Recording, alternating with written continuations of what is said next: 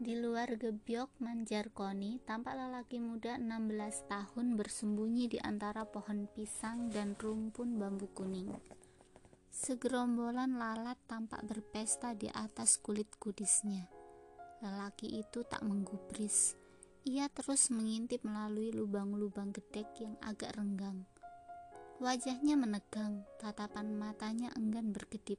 Sesekali tangan kotornya mengusap dahi yang menggulirkan peluh Sepertinya ia tak sekedar melihat gerak gemulai dan lantunan merdu dari perawan bergulu menjangan dan berkaki kijang itu. Lelaki itu menghela pelan. Tarik matahari begitu bebas menerkam tubuhnya. Kulit sawo matang dan agak bersisik itu tampak mengkilat. Tasipan masih duduk terpaku. Suara gesekan rumpun bambu seolah menambah gairahnya untuk terus menatap perawan di dalam sana. Bibirnya ingin kembali menabuh. Tidak, jika aku menabuh, mereka akan tahu. Mereka bisa mengumpat. Mereka bisa mengusirku. Sudahlah, dari rumpun bambu itu adalah pengganti gending yang mengelokkan gemericing lidah suci rubaiyah. Kata Tasipan pada dirinya sendiri. Lelaki itu masih mengintip. Matanya menempel pada lubang gedek Tubuhnya diam terpaku. Benar, ia takjub dengan apa yang dilihatnya. Sebentar, kenapa pikirannya menggertak cemburu? Benar, harusnya tari dan lantunan rubaiyah itu tak lebih baik dari yang ia nikmati kemarin. Rubaiyah curang. Ia menari tanpa asal-asalan. Rubaiyah terus menari Senyum yang bagaikan madu itu memaksa jantung Tasipan untuk berhenti berdetak. Sesekali lirik mata kenes berirama dengan lenggok kaki kijang yang kerap menghentak-hentak lantai tanah. Otak Tasipan kian tak menentu. Peluh meluncur tanpa sekat. Lelaki itu mengusap jidat dan lehernya. Perasaannya terus bergemuruh bagaikan debur ombak di lautan Purwo. Kakinya yang tampak tanpa alas ia biarkan kesemutan. Tasipan tak ingin kehilangan elok pelangi yang menoreh pada retina matanya yang tak lagi tersekat. Tokek kembali menembang, hanya tiga kali.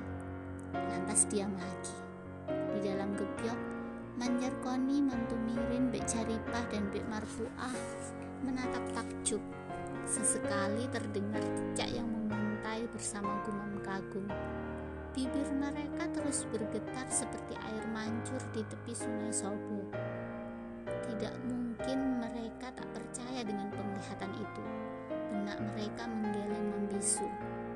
Benar, tak ada seloroh ketidakkeyakinan. Mereka mengakui kalah. Rubaiyah memutar tubuhnya. Senyum dua pasang paruh baya bak mengulum kepuasan. Tak ada asap rokok yang terbang tak ada sirih dan ludah merah. Kopi dan singkong rebus pun dibiarkan merana. Semua takjub pada nikmat itu. Kemiren memilih. Rubaiyah terpilih. Manjar Koni melambai-lambaikan tangan ke arah Rubaiyah. Perempuan mendekat. Senyum simpulnya masih bertengkar pada sudut bibir semolek biji delima. Wajahnya yang agak tertunduk begitu anggun mata indahnya bergantian melirik Anang dan Adonnya. Hmm, benar.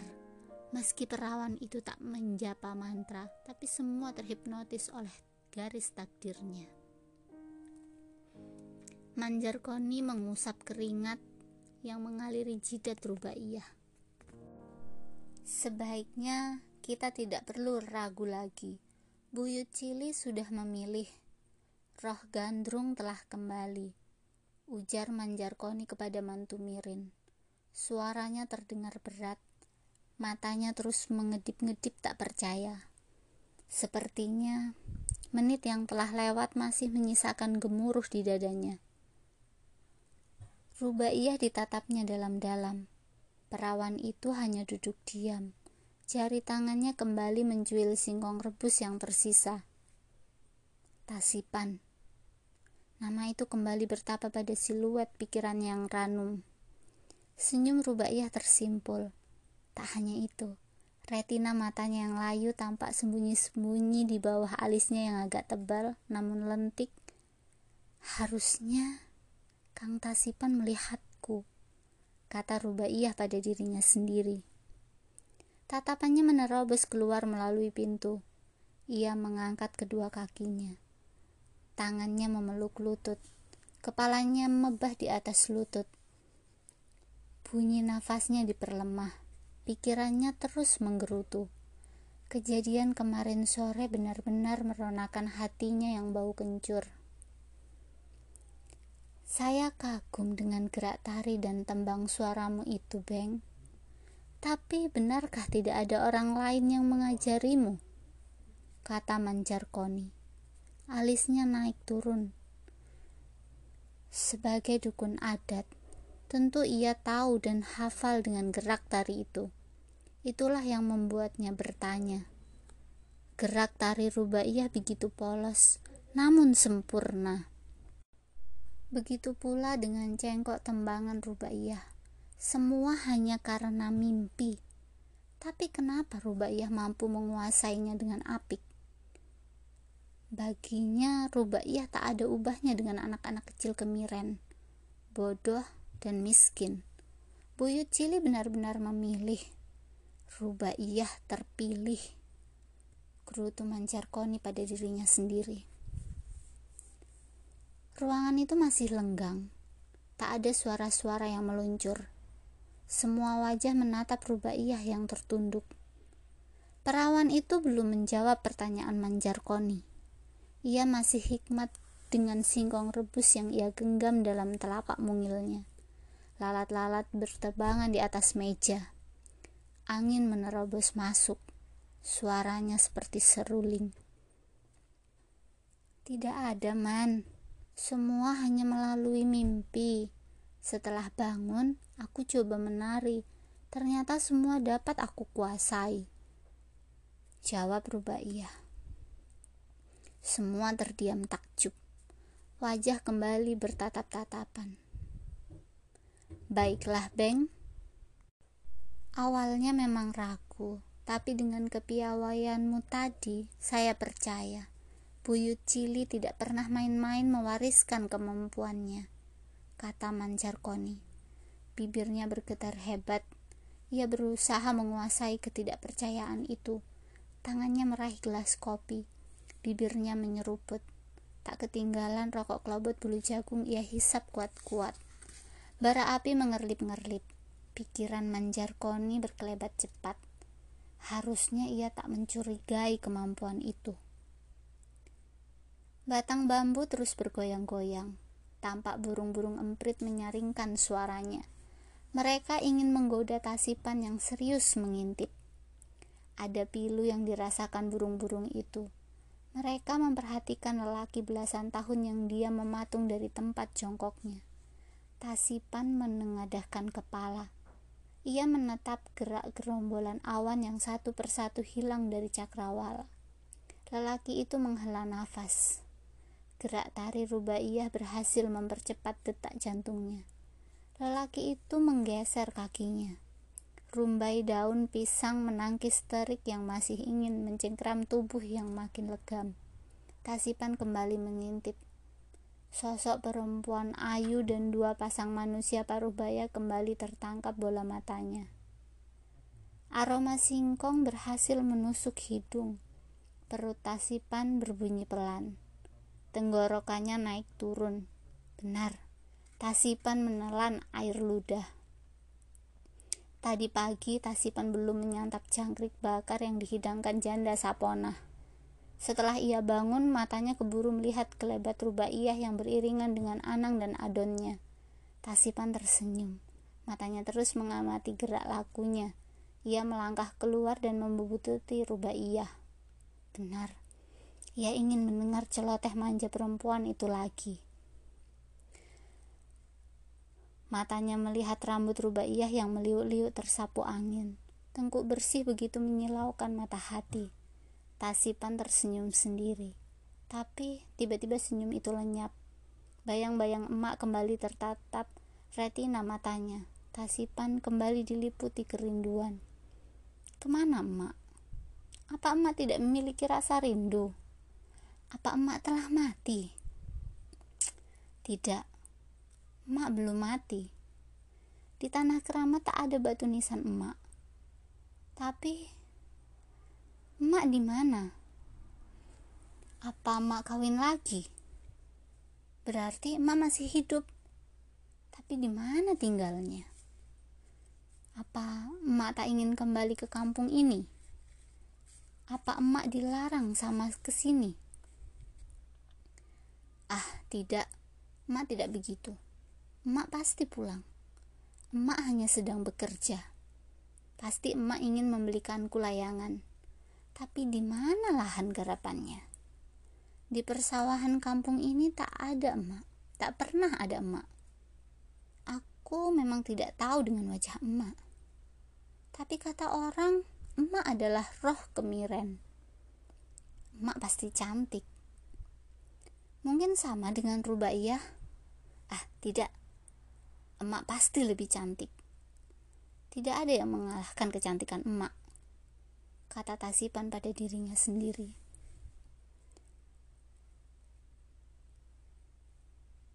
Tasipan masih mengikuti langkah Rubaiyah. Hmm, rupanya ia kegepiok dukun kampung. Kenapa dengan Rubaiyah? Apakah ia sakit? Kata Tasipan. Ia memperlambat langkahnya. Mata Tasipan melihat Manjarkoni yang sedang duduk di atas rancak. Mungkin Manjarkoni memang telah menunggunya, kata Tasipan. Benar, ia masuk ke dalam gebyok. Sambung Tasipan kepada dirinya sendiri. Lelaki itu mengernyitkan dahi, tangannya menggaruk-garuk punggung, Perasaan ingin tahu sebagai semakin besar. Sebenarnya ia ingin mengikuti Rubaiyah. Tapi apa kepentingannya? Ah, tidak. Tidak perlu ikut masuk ke biok itu. Cukup mencari tempat persembunyian saja. Ujar Tasipan. Lelaki itu melangkah ke arah sungai Sobo. Terdengar gemericik kecipak arus sungai yang menabruk batu dan alang-alang yang tumbuh liar. Ia melangkah pelan, melewati perempuan-perempuan mencuci pakaian dan anak-anak kecil mandi. Suara hiruk pikuk mereka terdengar jelas setelah kaki Tasipan berkecipak dengan tanah basah. Tasipan menatap arus sungai yang menari-nari. Di bawah sana ada kerbau yang mengeram dalam air. Seorang gembala menggosoki punggung kerbau dengan rumput. Tasipan merayap pada lereng lereng tanah. Tasipan diam sejenak. Ia menggaruki ketiak dan kepalanya. Angin meniup kencang. Rumpun-rumpun bambu menggoyang-goyangkan pucuknya. Tasipan melangkah membungkuk-bungkuk. Lelaki itu bersembunyi di sebelah rumpun bambu yang berhimpitan dengan beberapa tanaman pisang.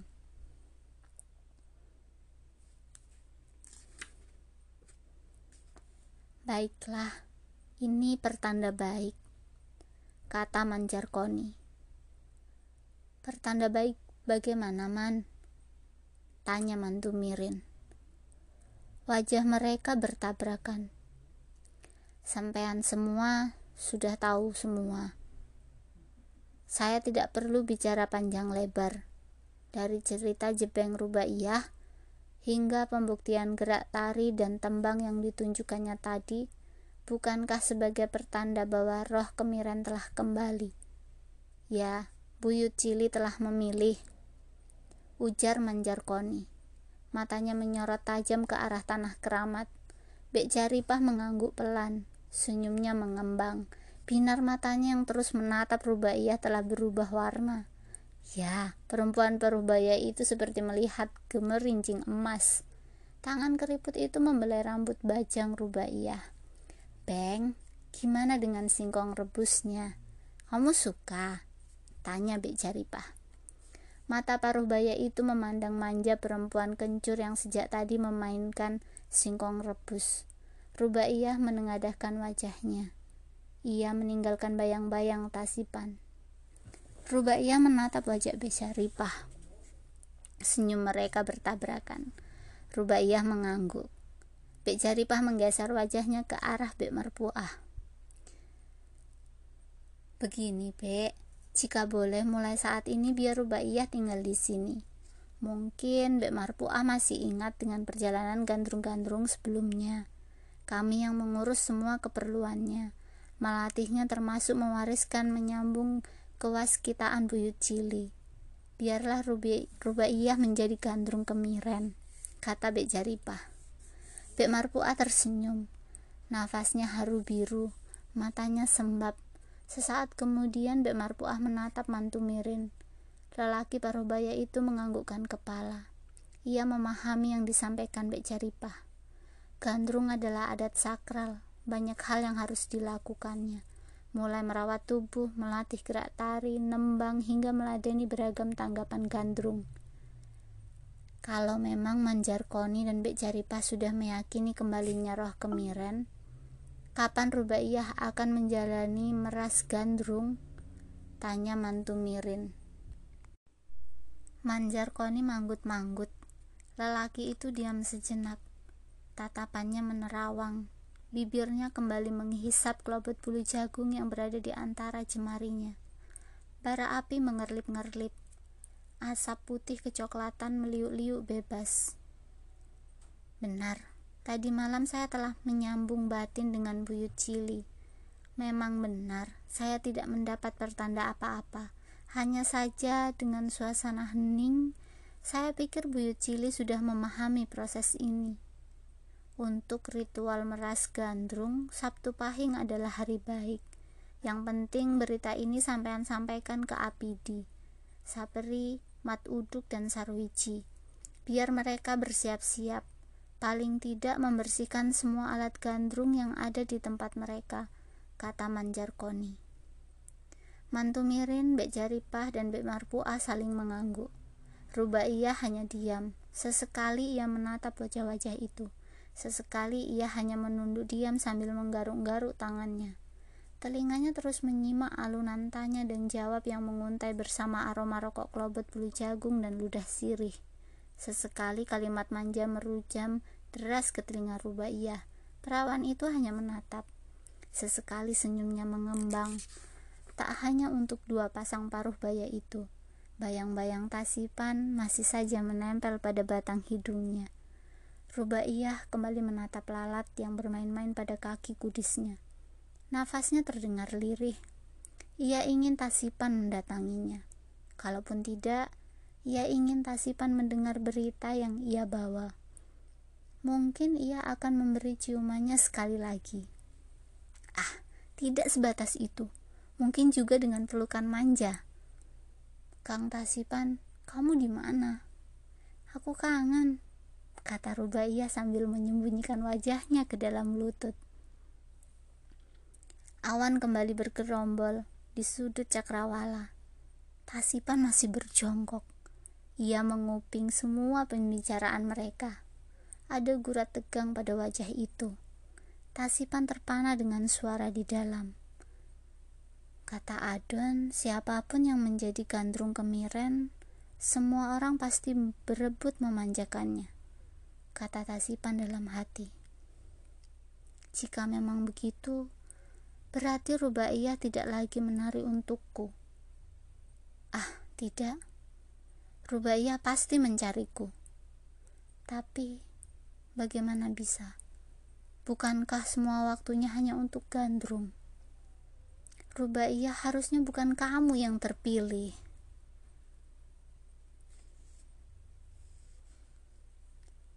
Trilogi Gandrung Kemiren oleh Hari Prianto